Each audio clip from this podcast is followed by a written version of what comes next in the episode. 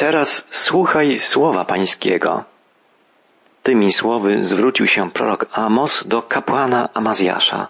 To znaczy, nie ja chcę z Tobą się spierać, Amazjaszu, ale chcę do Ciebie przemówić sam Bóg. To On przysłał mnie do Betel. Ja jestem Jego prorokiem. Przekazuję Jego wolę. Słuchaj słowa Pańskiego. Niektórzy spośród mieszkańców Betel dosłyszeli w słowach Amosa prawdę. Byli poruszeni do głębi i zwrócili się ku Bogu. Ale większość była nieczuła na głos Bożego proroka. Zbyt daleko odeszli od Pana. Zbyt głęboko pogrążyli się w bezprawiu i bałwochwalstwie. Odrzucili poselstwo Amosa i wystąpili przeciwko niemu. Na ich czele stanął kapłan Amazjasz, który wysłał królowi Jeroboamowi wiadomość. Amos spiskuje przeciwko tobie. Gdyż tak rzekł Amos. Od miecza umrze Jeroboam i Izrael będzie uprowadzony ze swojej ziemi. Czy Amos rzeczywiście wypowiedział takie słowa? Nie.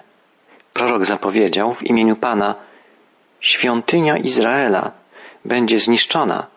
Wystąpię z mieczem przeciw domowi Jeroboama. Proroctwo Amosa było prawdziwe. Od miecza zginął wnuk Jeroboama, co zakończyło panowanie tej dynastii w Izraelu. Natomiast kapłan Amazjasz zniekształcił wypowiedź proroka. Owszem, była mowa o mieczu i o domu, czyli rodzie Jeroboama, ale nie o uśmierceniu mieczem samego króla. Amazjasz przekręcił słowa Amosa, żeby nastawić przeciwko niemu panującego króla Jeroboama. Prawda została zniekształcona. Była to, jakbyśmy dzisiaj powiedzieli, brzydka manipulacja, która spowodowała, że Boże ostrzeżenie nie dotarło do króla Izraela. Kapłan Amazjasz powiedział Amasowi, widzący, idź, uciekaj sobie do ziemi Judy i tam jedz chleb i tam prorokuj. Innymi słowy, nie wiem, na jakiej podstawie uważasz siebie za proroka, jasnowidzu. Wracaj do ziemi judzkiej, skąd przyszedłeś. My nie potrzebujemy tu Twoich rzekomych proroctw. Przepowiadaj sobie przyszłość w Judzie i tam zarabiaj na chleb. My nie będziemy tu żywić darmozjada. Amazjasz chciał pozbyć się Amosa i uczynił wszystko, żeby go zniesławić i wyszydzić. Na koniec powiedział wprost: W Betel więcej nie prorokuj, bo jest ono królewską świątynią, królewską budowlą.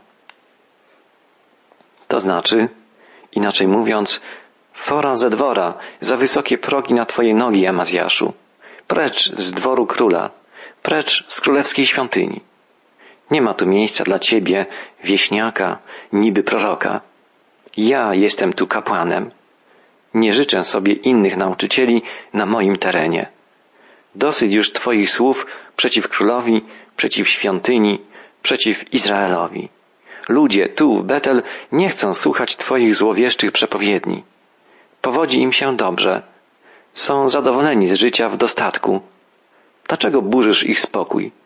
Niepokoisz króla i jego dworzan. Im odpowiada to, co głosimy my, kapłani i prorocy dworscy. Jakże fałszywe były te słowa Amazjasza. Przecież prawdziwą służbę kapłańską można było pełnić jedynie w Jerozolimie, w świątyni żywego Boga. Amazjasz był fałszywym kapłanem fałszywego Boga. Prawdziwym sługą prawdziwego Boga był Amos. Nie chciano go jednak słuchać, choć głosił prawdę, choć głosił słowo Boga. A może trzeba by powiedzieć, iż nie chciano go słuchać dlatego, że głosił prawdę, że głosił Słowo Boże? Czy to powinno nas dziwić?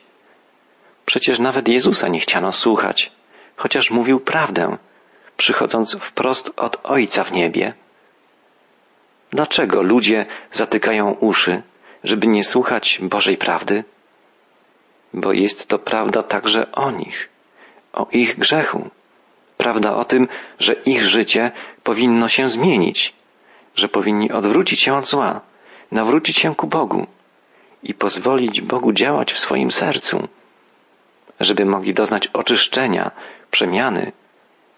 Ale jak powiedział Jezus, ludzie bardziej umiłowali ciemność, bo ich uczynki są złe. Każdy bowiem, powiedział Pan, kto źle czyni, nienawidzi światłości i nie zbliża się do światłości, aby nie ujawniono jego uczynków. Musimy być tego świadomi, że kiedy głoszone jest Słowo Boże, rozbłyska światło prawdy i zostajemy prześwietleni. Wszelkie zło w naszych czynach, w naszych słowach, myślach staje się jawne, jest obnażone, zdemaskowane. Dzieje się tak zarówno w życiu ludzi, którym głosimy Bożą prawdę, jak i w naszym życiu, bo i nas przecież Słowo Boże przenika, bada, prześwietla i przemienia. Zawsze, kiedy pozwalamy Słowu Bożemu prześwietlić nasze serca, zostajemy skonfrontowani z Bożą prawdą i mamy szansę poprawić się, zawrócić z błędnych ścieżek, nawrócić się do żywego Boga.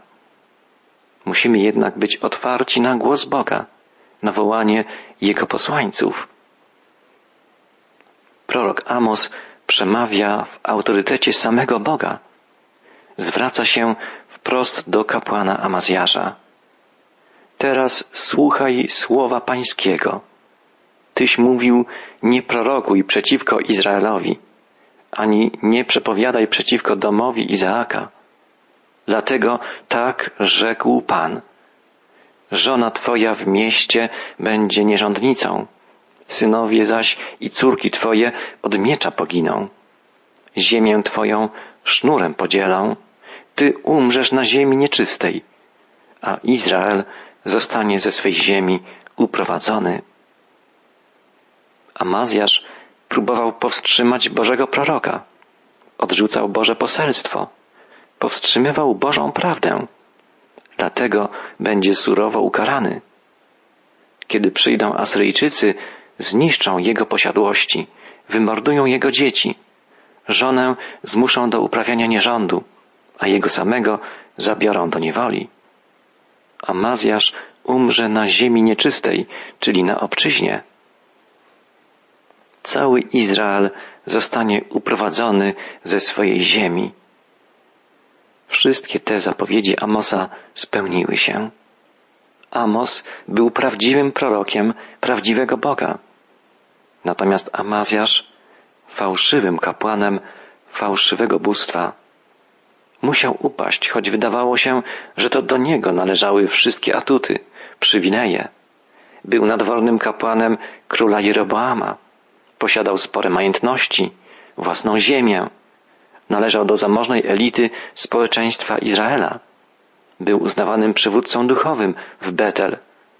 A jednak, ponieważ prowadził ludzi na bezdroża bałwochwalstwa, ponieważ służył obcym bóstwom zamiast Bogu żywemu, jego powodzenie, jego władza, jego pomyślność przeminęły.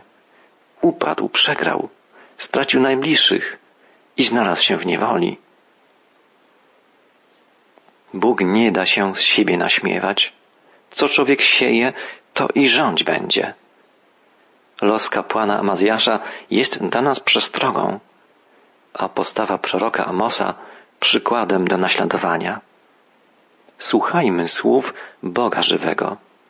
Służmy Mu. Z Nim wiążmy nasze nadzieje, nasze plany, a nie zawiedziemy się. Żyjmy prawdą Bożą. Bądźmy prawdziwymi czcicielami prawdziwego, jedynego Boga, bo On jest Panem historii i Panem wieczności, Panem życia i śmierci każdego z nas. Następny, ósmy rozdział Księgi Amosa przynosi kolejną wizję prorocką, wizję kosza owoców. Czytamy od początku rozdziału ósmego. To mi ukazał Pan, Bóg. Oto kosz dojrzałych owoców. I zapytał, co widzisz, Amosie? Odpowiedziałem, kosz dojrzałych owoców. Rzekł Pan do mnie, dojrzał do kary lud mój izraelski. Nie będę już dłużej go oszczędzał. Prorok widzi kosz dojrzałych owoców. W języku hebrajskim jest tu dosłownie mowa o koszu owoców letnich, przepełniających kosz po brzegi. Możemy wyobrazić sobie pyszne, dojrzałe owoce, smaczne i zdrowe, wypełniające ogromny kosz. Ten obraz jest zapowiedzią żniw, zapowiedzią sądu nad ludem Bożym. Sam Pan wyjaśnił znaczenie tej wizji.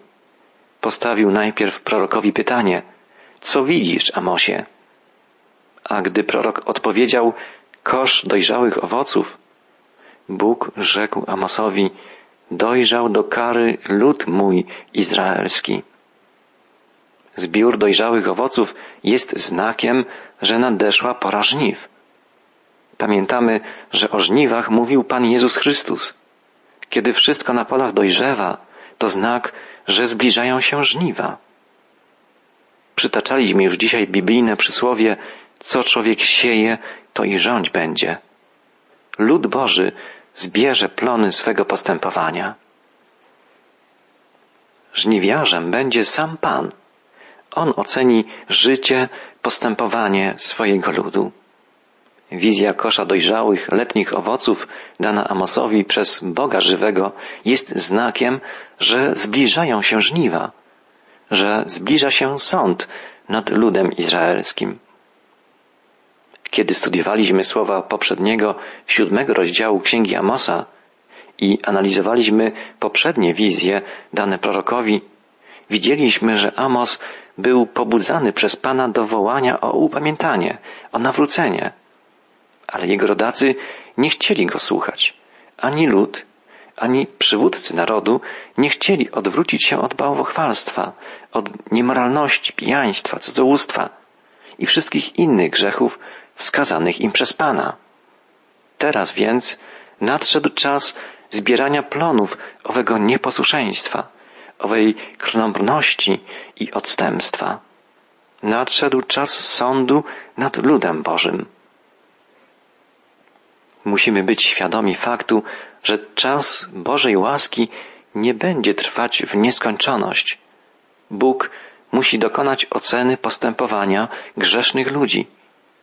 Jeśli grzesznicy odrzucają Jego dobroć, Jego miłość i nie chcą skorzystać z danej im wielokrotnie szansy upamiętania się, nawrócenia, oczyszczenia, sprawiedliwy Bóg musi dokonać oceny ich postępowania, osądu ich grzeszności. A zapłatą za grzech jest śmierć. Pan oświadcza, dojrzał do kary lud mój izraelski. Nie będę już dłużej go oszczędzał. Te słowa to słowa wyroku. Prorok Amos rysuje wstrząsający obraz Bożego Sądu nad Izraelem. Tego dnia pieśni dworskie zamienią się w lamenty, wyrocznia Pana, Boga, mnóstwo trupów, na każdym miejscu rozrzucone, cisza. Zapadnie straszliwa cisza. Umilkną pieśni dworskie. Nie będzie już ucztowania, beztroskich śpiewów, okrzyków towarzyszących pijackim libacjom. To wszystko ucichnie. Dwór królewski opustoszeje. Martwą ciszę przerywać będą jedynie żałosne lamenty opokojących swoich bliskich, poległych w walce. Ziemię północnego królestwa izraelskiego pokryje mnóstwo trupów. Ciała będą rozrzucone na każdym miejscu, zapowiada prorok. Gwar życia zostanie wyparty przez ciszę śmierci. To wstrząsający obraz sądu nad Izraelem. Dokonał się niedługo po wypowiedzeniu tego proroctwa przez Amosa. Wojska asyryjskie pobiły Izraelitów, zniszczyły miasta, zdziesiątkowały mieszkańców, a pozostałych przy życiu uprowadziły do niewoli. Bóg jeszcze raz poprzez usta proroka przemawia, by wyjaśnić, co sprowadziło tak surową karę na lud izraelski. Szczególnie mocno podkreślone zostaje złe traktowanie ubogich, wyzysk i ucisk najbiedniejszych. Amos woła w imieniu Pana. Słuchajcie tego wy, którzy gnębicie ubogiego i bezrolnego pozostawiacie bez pracy. Gnębienie ubogiego to coś, co Bóg potępia bardzo surowo. W prawie mojżeszowym podanych było wiele wskazówek, w jaki sposób wspierać ubogich. Na przykład właścicielom pól polecano, żeby w czasie żniw nie zbierali wszystkich kłosów, ale pozostawiali coś dla ubogich, by pozwolili im zbierać na polu kłosy, które upadły na ziemię. W ten sposób najubożsi mogli zebrać w ciągu dnia dla siebie pewną ilość zboża na chleb.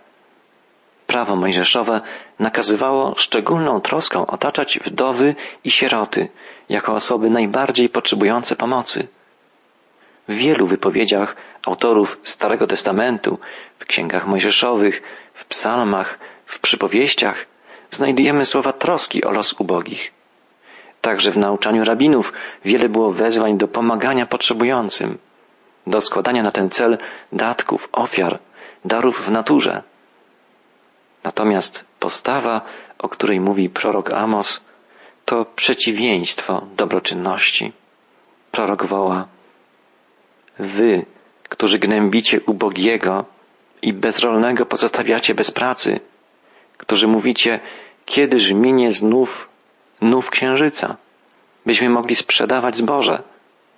Kiedyś szabat, byśmy mogli otworzyć spichlerz, a będziemy zmniejszać efę, powiększać cykl i wagę podstępnie fałszować. W czasie dni świątecznych, kiedy zabroniona była wszelka praca, także handel, zamożni ludzie, biorący udział w rytuałach świątynnych, myślami byli zupełnie gdzie indziej. Nie mogli doczekać się końca szabatu, nowiu. Myśleli niecierpliwie o normalnym dniu pracy, kiedy będą mogli handlować, sprzedawać zboże, zarabiać. Mało tego, ludzie ci obmyśliwali, w jaki sposób oszukać kupujących, żeby osiągnąć jeszcze większe zyski. Będziemy zmniejszać efę, będziemy podstępnie fałszować wagę, mówili sobie w myślach, już widząc dodatkowe pieniądze, które w ten sposób nieuczciwie zarobią. Będziemy kupować biednego za srebro, a ubogiego za parę sandałów i plewy pszeniczne będziemy sprzedawać. To następne słowa proroka ukazujące małoduszność, wręcz podłość bogaczy. Ludzie najbiedniejsi zmuszeni byli sprzedawać się w niewolę, kiedy nie byli w stanie spłacić swoich długów. Najbiedniejszych kupić można było za parę sandałów. Tak mało byli warci, zadłużeni, nie posiadający nic. Byli wykorzystywani, gnębieni, zmuszani do ciężkiej pracy. Tak właśnie ich traktowano, nie dając im szansy na poprawę sytuacji, odbierając im wszelką nadzieję, niszcząc ich poczucie wartości, godności osobistej. Czy dzisiaj nie traktuje się ubogich tego świata podobnie? Prorok Amos mówi jeszcze o sprzedawaniu plew. Będziemy plewy pszeniczne sprzedawać, mówią bogacze. To znaczy, że zamiast wyrzucić niepotrzebne plewy, pozostałe po wymłóceniu ziarna, będą je sprzedawać, oszukując, szukając pomnożenia swoich zysków. Taka pazerność, chciwość jest bardzo ostro piętnowana przez Bożego proroka. Z jednej strony bogacze manifestują swoją religijność, biorą udział w obrzędach świątecznych, składają ofiary, a jednocześnie myślą obsesyjnie tylko o tym, jak zwiększyć swoje dochody, uczciwie czy nieuczciwie, jak przechyczyć innych, jak innych wykorzystać, jak pognębić uboższych, jak wyzyskać wszystkich, żeby zagarnąć jak najwięcej dla siebie. Obraz sprzedawania plew przywodzi nam na myśl jeszcze jeden problem. Często jest tak, że ludzie zamożni ofiarowują uboższym rzeczy, które są im niepotrzebne, zbędne. Nie przedstawiają właściwie żadnej wartości. Często jest tak, że ludzie dają tylko z tego, co im zbywa. Taka ofiarność, nie kosztująca nic darczyńcę, służąca głównie uspokojeniu jego sumienia, a nie zaspokojeniu potrzeb ubogich, taka ofiarność nie jest Bogu miła. Nauka na ten temat została rozwinięta w pełni przez Pana Jezusa i Jego apostołów. Przypomnijmy sobie Jezusa obserwującego ludzi wrzucających datki do skarbony świątynnej. Jezus ocenił, że najwyższą wartość miała ofiara ubogiej wdowy, która wrzuciła do skarbca dwa małe pieniążki, dlatego że inni dawali z tego, co im zbywało, a wdowa dała wszystko, co zaoszczędziła, co miała. Apostoł Jezusa, Paweł, najszerzej omówił istotę prawdziwej ofiarności, pisząc w drugim liście do Koryntian, powiadam wam, kto skąpo sieje, skąpo też rządź będzie, a kto sieje obficie, obficie rządź będzie. Każdy tak, jak sobie postanowił, w sercu, nie z żalem albo z przymusu, gdyż ochotnego dawcę Bóg miłuje. Apostoł narodów uczy, że generalną zasadą w kwestii ofiarności jest zupełna dobrowolność. Bóg nie nakłada na nas żadnych obowiązków, żadnych przepisów czy nakazów, które miałyby regulować naszą ofiarność. Nasza szczodrość, jako ludzi należących do Chrystusa, powinna wynikać z przemiany, jakiej Chrystus w nas dokonał i stale dokonuje. Chrześcijanin powinien mieć naturę Chrystusa, a Chrystus przecież, choć był tak bogaty, stał się nędzarzem, żeby nas ubogacić. Przymierzając się do takiego wzoru, nie można mówić o żadnych innych zasadach regulujących naszą szczodrość poza miłością. To, że jesteśmy gotowi do dawania, do dzielenia się z innymi, i ułożenie na sprawy Boże ma wynikać z nastawienia naszego serca. Powinniśmy mieć w sobie pragnienie, wręcz pasję, podobną do pasji Chrystusa, by pomagać, by obdarowywać, wspierać, dzielić się. Dobrowolna ofiara jest dobrym testem duchowego stanu danej wspólnoty chrześcijańskiej. Jest to regułą, że kościoły, w których zbierają się przebudzeni, żywi chrześcijanie, cechują się wysoką, szczodrą ofiarnością. Kościoły zaś, które są duchowo martwe, dotknięte są bardzo niską ofiarnością. Kto skąpo sieje, zbierze skąpy plon. Kto sieje obficie, zbierze plon obfity. To jest zasada, którą powinniśmy pamiętać zawsze. Czy nie siejemy skąpo? Czy nie dzielimy się z innymi oszczędnie, z oporami? Gdy chcemy zbierać obfite plony, musimy stale siać, siać obficie, szczodrze. Nie jesteśmy w stanie wyrobić sobie sami takiej postawy. Tylko Chrystus, mieszkając w naszych sercach, przemieniając nas swoją miłością, może uczynić nas prawdziwie szczodrymi.